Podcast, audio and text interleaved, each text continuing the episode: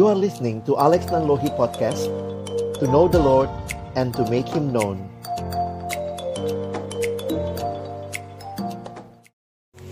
Mari kita berdoa sebelum membaca merenungkan firman Tuhan Bapa di dalam surga, kami datang malam hari ini dalam ucapan syukur. Terima kasih Tuhan, karena sungguh Engkau baik dan Engkau menyatakan kebaikan-Mu dalam hidup kami. Seminggu ini Tuhan sudah peliharakan kami dan malam ini kau kumpulkan kami kembali belajar bersama-sama akan kebenaran firman-Mu. Waktu kami akan membuka firman-Mu, bukalah juga hati kami. Jadikanlah hati kami seperti tanah yang baik, supaya ketika benih firman Tuhan ditaburkan boleh sungguh-sungguh berakar, bertumbuh, dan juga berbuah nyata di dalam kehidupan kami. Berkati hambamu yang menyampaikan setiap kami yang mendengar, juga interaksi di antara kami boleh semakin menolong kami, semakin memahami firman-Mu. Dalam nama Yesus kami berdoa. Amin. Selamat malam Bapak Ibu sekalian. Malam hari ini kita akan melihat satu bagian firman Tuhan dalam kitab 1 Petrus. Jadi minggu yang lalu kita belajar tentang Petrus ya. Kita lihat 1 Petrus pasal yang kelima malam ini. 1 Petrus pasal yang kelima ayat yang pertama sampai dengan ayatnya yang ke-11. Jadi kita lihat sama-sama 1 Petrus pasal yang kelima ayat yang pertama sampai dengan ayat yang ke-11. Kalau sudah ketemu kita akan membaca bergantian. Saya baca ayat 1. Ya, 1 Petrus 5, Bu. Saya baca ayat 1 Bapak Ibu Saudara baca ayat 2, kita bergantian sampai ayat yang ke-11. Aku menasehatkan para penatua di antara kamu, aku sebagai teman penatua dan saksi penderitaan Kristus yang juga akan mendapat bagian dalam kemuliaan yang akan dinyatakan kelak. jangan dengan paksa, dengan sukarela sesuai dengan dan jangan karena mau mencari keuntungan, tetapi dengan pengabdian diri. Janganlah kamu berbuat seolah-olah kamu mau memerintah atas mereka yang dipercayakan kepadamu, tetapi hendaklah kamu menjadi teladan bagi kawanan domba itu. Maka kamu apabila gembala aku datang, kamu akan menerima mahkota kemuliaan di dalam. Demikian jugalah kamu, hai orang-orang muda, tunduklah kepada orang-orang yang tua dan kamu semua rendahkanlah dirimu seorang terhadap yang lain, sebab Allah menentang orang yang congkak, tetapi mengasihani orang yang rendah hati. Karena itu rendahkanlah dirimu di bawah tangan Tuhan yang kuat, supaya kamu ditinggikannya pada waktunya. Serahkanlah segala kekhawatiranmu kepadanya, sebab ia yang memelihara kamu. Sadarlah dan berjaga-jagalah Lawan musuh iblis berjalan keliling sama seperti singa yang mengaum-ngaum dan mencari orang yang dapat ditelannya. Lawanlah dia dengan iman yang teguh.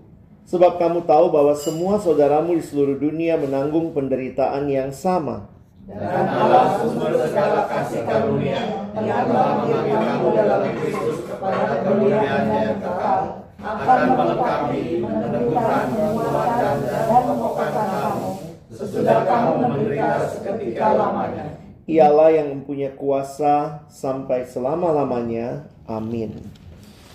Ya Bapak Ibu yang dikasihi Tuhan, kitab 1 Petrus ditulis oleh Rasul Petrus uh, kira-kira sekitar tahun 64 sampai 65. Jadi antara tahun 64 sampai 65. Dan apa yang menarik untuk kita perhatikan bahwa ini Tentunya kalau kita lihat Yesus sampai uh, usia 33 tahun, berarti Petrus menulis bagian ini kira-kira 32 tahun kemudian.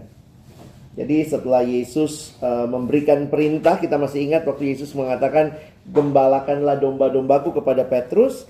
Nah, 32 tahun kemudian, bagian ini Petrus tuliskan kepada para penatua yang ada di daerah Asia yang kepadanya dia mengirim surat. Jadi waktu saya memperhatikan ini sangat menarik karena um, apa yang Yesus sampaikan di akhir hidupnya atau sebelum Yesus naik ke surga ya. Gembalakanlah kawanan domba itu ditangkap begitu rupa dengan kuat oleh Petrus. Makanya istilah yang sama yang Petrus pakai di ayat yang kedua. Gembalakanlah kawanan domba Allah yang ada padamu.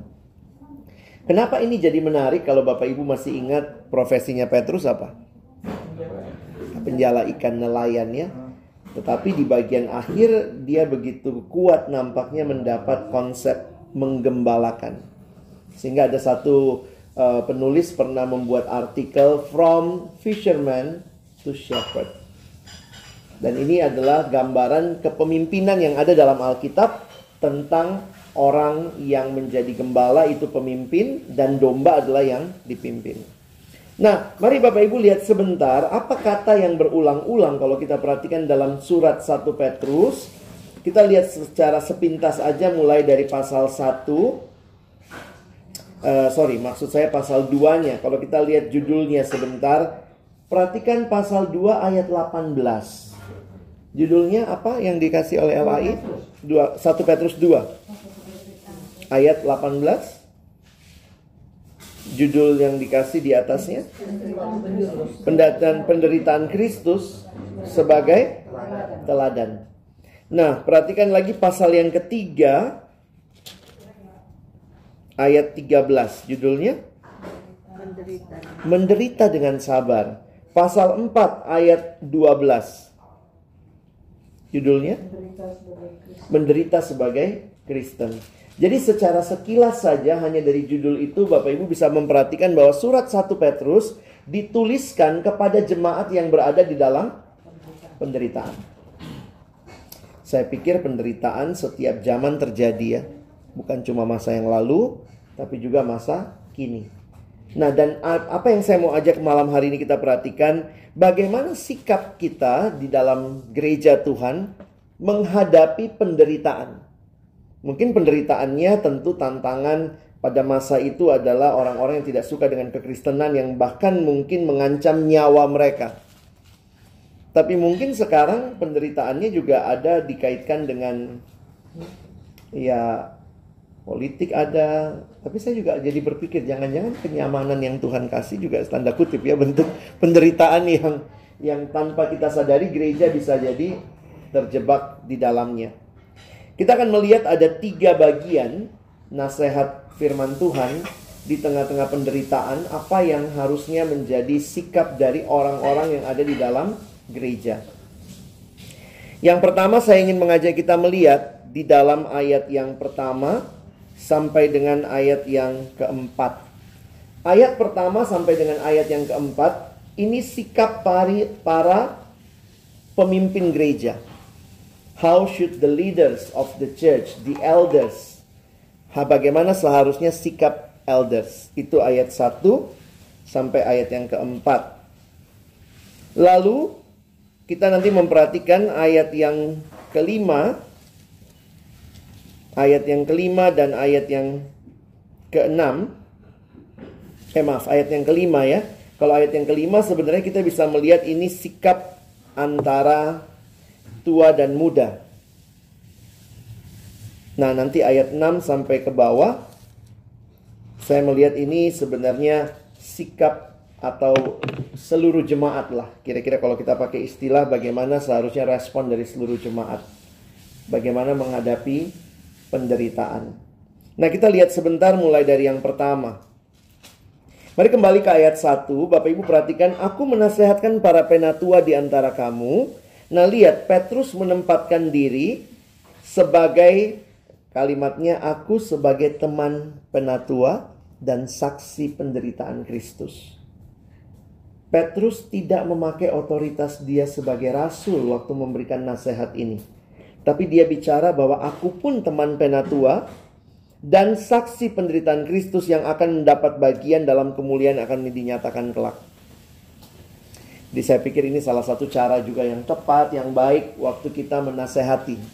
Jadi jangan menganggap diri kita more than others, tapi mari belajar juga melihat kita sama dengan mereka. Nah, kepada elders of the church, apa yang disampaikan? Perhatikan ayat 2. Gembalakanlah kawanan domba Allah yang ada padamu.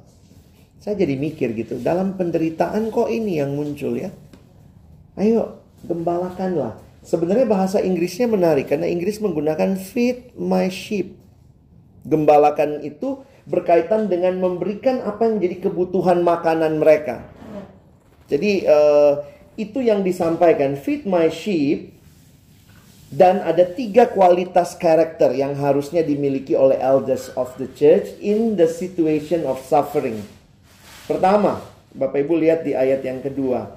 Jangan dengan paksa tetapi dengan sukarela.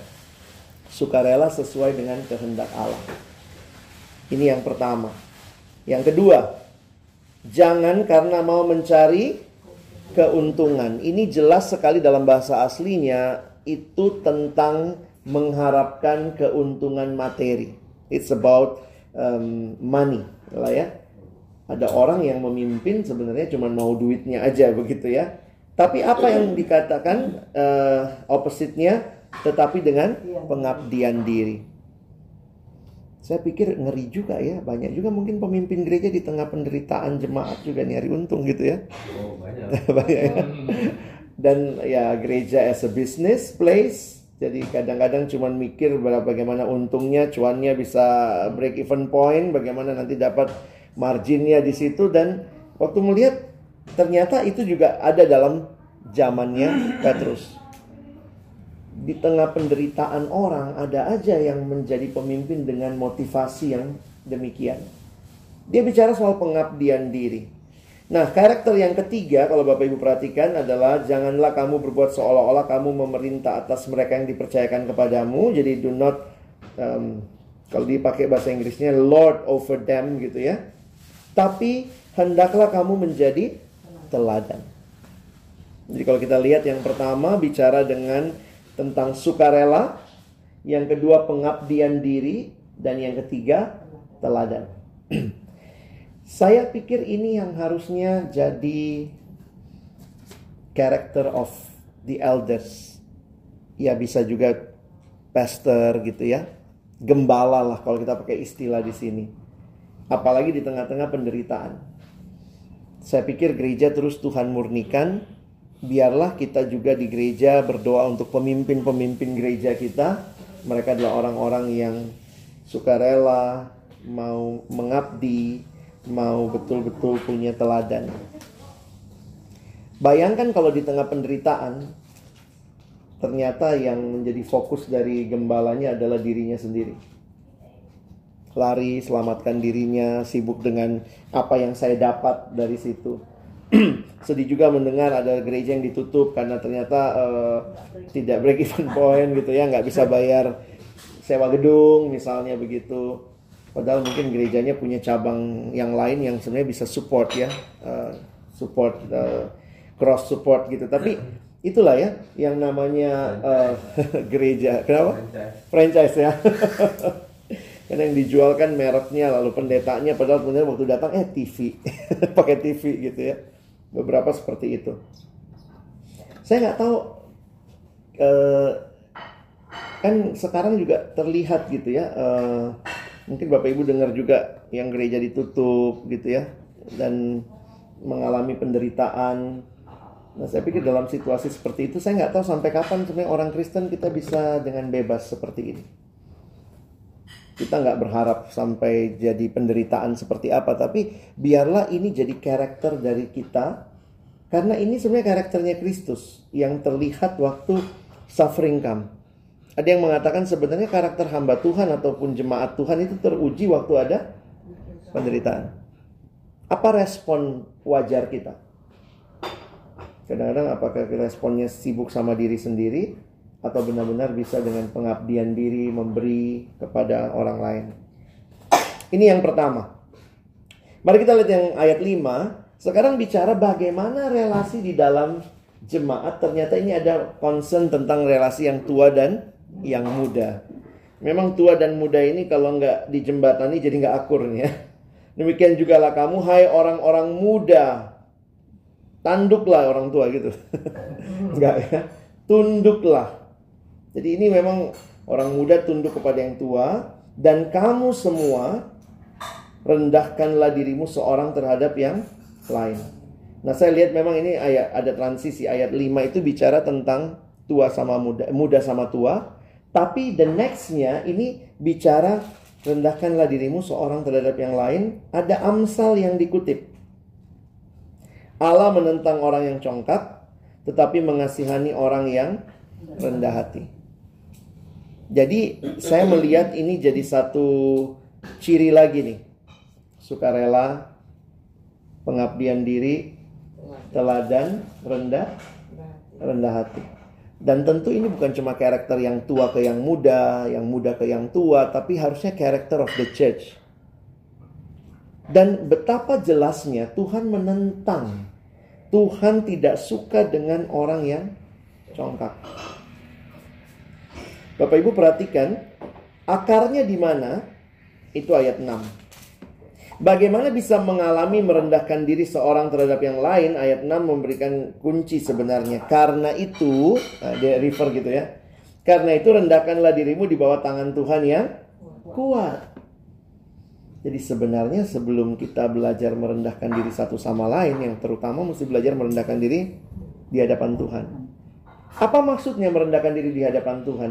Betul-betul sadar kita membutuhkan Tuhan.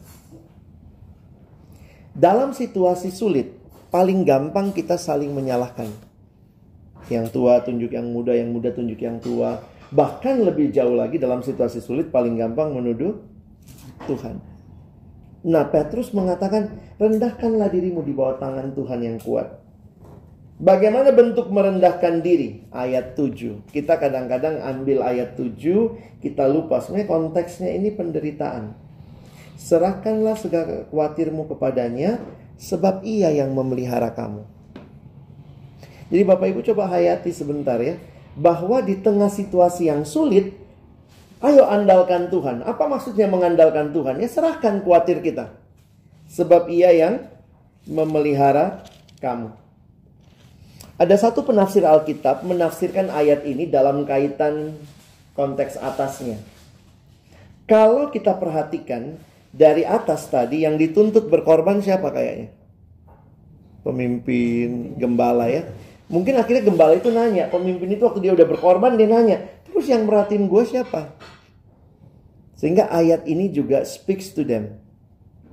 Waktu kamu mengalami apa kamu dalam tugasmu harus memperhatikan orang lain, mungkin dia bertanya siapa yang perhatiin kepentinganku. Serahkanlah khawatirmu kepada kepadanya sebab ia yang memelihara kamu. Makanya saya melihat ini juga bukan hanya antara relasi tua sama muda, tapi harusnya kita semua yang melayani Tuhan di gereja ini juga buat jemaat ya. Bapak Ibu yang melayani Tuhan, jangan pernah takut karena Tuhan yang pelihara hidup Bapak Ibu sekalian. Tidak pernah kita memberi persembahan terlalu banyak kok untuk Tuhan. Dan tidak pernah juga terlalu sedikit. Jadi kadang-kadang kan ada orang waktu ngasih aja perhitungan. Udah ngasih pun masih mikir gue dapat apa nih. Nama gue disebut nggak? Nanti kalau gue nggak disebut kayaknya jadi nggak ini ya. Nanti di prasastinya ada nggak nama gue gitu ya. Kadang-kadang banyak hal kita kita sebenarnya waktu kita bersikap seperti itu sebenarnya kita sedang tidak percaya sama Tuhan. Jadi waktu saya ngeliat iya dalam penderitaan itu kayak Petrus mau bilang kamu masih percaya nggak sama Tuhan? Dan dia sanggup pelihara hidupmu bahkan dalam situasi kamu harus memberi buat orang lain. Ada yang bilang ya jangan bodoh-bodoh banget juga ya sampai kita nggak memperhatikan diri kita. Tapi banyak orang boro-boro memperhatikan orang lain, belum perhatiin orang lain pun udah lebih sibuk sama dirinya. Nah, ini jadi satu pemikiran yang menarik untuk kita perhatikan ya. Rendahkanlah dirimu di bawah tangan Tuhan, rendahkanlah dirimu di satu kepada yang lain. Ingat Tuhan yang pelihara kita. Nah, ayat 9 dan 10 sebenarnya ini juga dalam realita jemaat nih. Menarik sekali Petrus mengatakan begini sadarlah dan berjaga-jagalah lawanmu si iblis. Ayat 8 ya. Lawanmu si iblis berjalan keliling sama seperti singa yang mengaum-ngaum dan mencari orang yang dapat ditelannya. Kenapa tiba-tiba ngomong iblis? Gambarannya singa lagi yang mengaum-ngaum. Penafsir Alkitab mengatakan begini. Di balik penderitaan yang dialami sebenarnya ada pribadi yang memang mau menghancurkan gereja yaitu si iblis. Jadi memang menarik ya, jangan sampai kita sibuk berantem waktu lagi ini ya di dalam gereja sibuk berantem gitu ya, siapa yang lebih penting tidak mau saling merendahkan diri padahal ternyata di balik itu lawanmu si iblis sedang berjalan berkeliling. Bagaimana sikap kita? Bukannya pasif. Perhatikan ayat 9. Lawanlah dia dengan iman yang teguh. Jadi melawan iblis itu kan dengan iman yang teguh. Sebab kamu tahu bahwa semua saudaramu di seluruh dunia menanggung penderitaan yang sama. Jadi Petrus mengingatkan mereka penderitaan ini bukan sekadar satu skenario politik belaka, Nah itu kadang kita sulit ya menghayati bahwa memang apa yang terjadi misalnya ekonomi yang makin sulit atau mungkin pergumulan kesehatan yang mendunia ini. Memang sih this is only about health issues tapi kadang-kadang kalau kita pikir lebih dalam lagi ya ada apa sih gitu? Ibu tadi bahas teori konspirasi katanya ya. Konspirasi buat coronavirus. Tapi siapa sih yang paling pengen manusia ini hancur? Iblis. Makanya menarik juga Menteri Kesehatan bilang apa? Political issues, economical issues. Uh, ini mengingatkan di balik itu semua lawanmu si iblis berjalan berkeliling. Kita juga jangan kesetanan ya, apa-apa setan gitu ya. apa-apa setan ini pasti setan nih, tapi lama-lama saya nih. tapi belajar untuk terus menghayati bahwa ini spiritual warfare. Ini peperangan rohani bukan sekadar sebuah situasi biasa. Nah, menariknya ayat 10 11. Nah, penutupnya sih ya. Ketika semua itu terjadi pergumulan, penderitaan, ada peperangan rohani, Petrus mengingatkan dan Allah sumber segala kasih karunia. Kasih karunia bahasa Inggrisnya grace. Ada satu kalimat cantik yang saya baca kemarin dalam bahasa Inggris ya. If you run alone, it's called race. But if you run with God, it's called grace. Waktu kamu berlari sendirian itu race. Tapi waktu kamu bersama dengan Tuhan, that is grace. Wow, indah juga ya.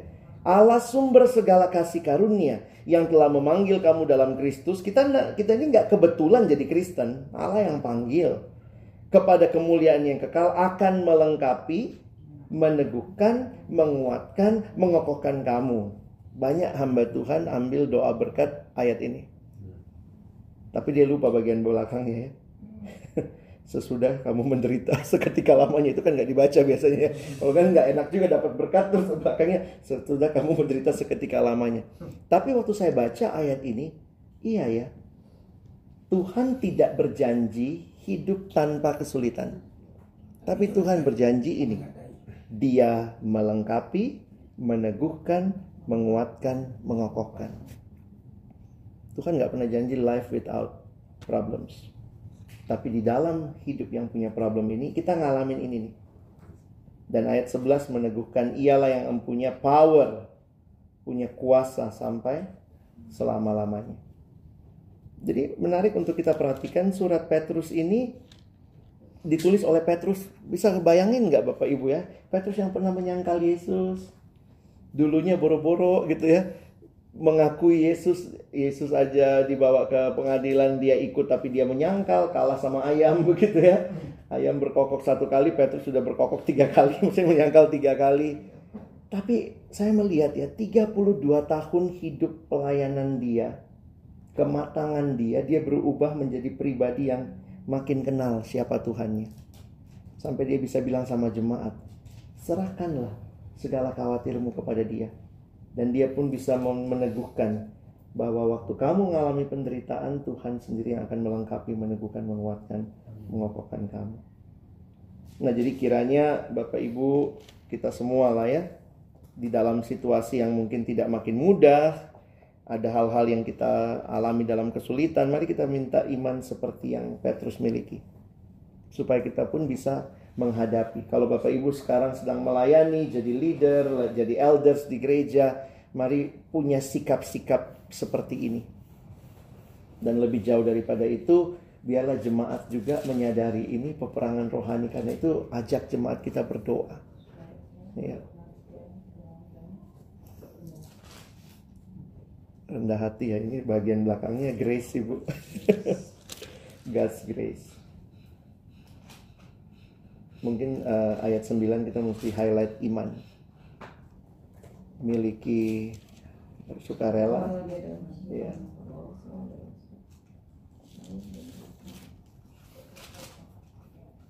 Iya, dari saya itu yang bisa saya bagikan.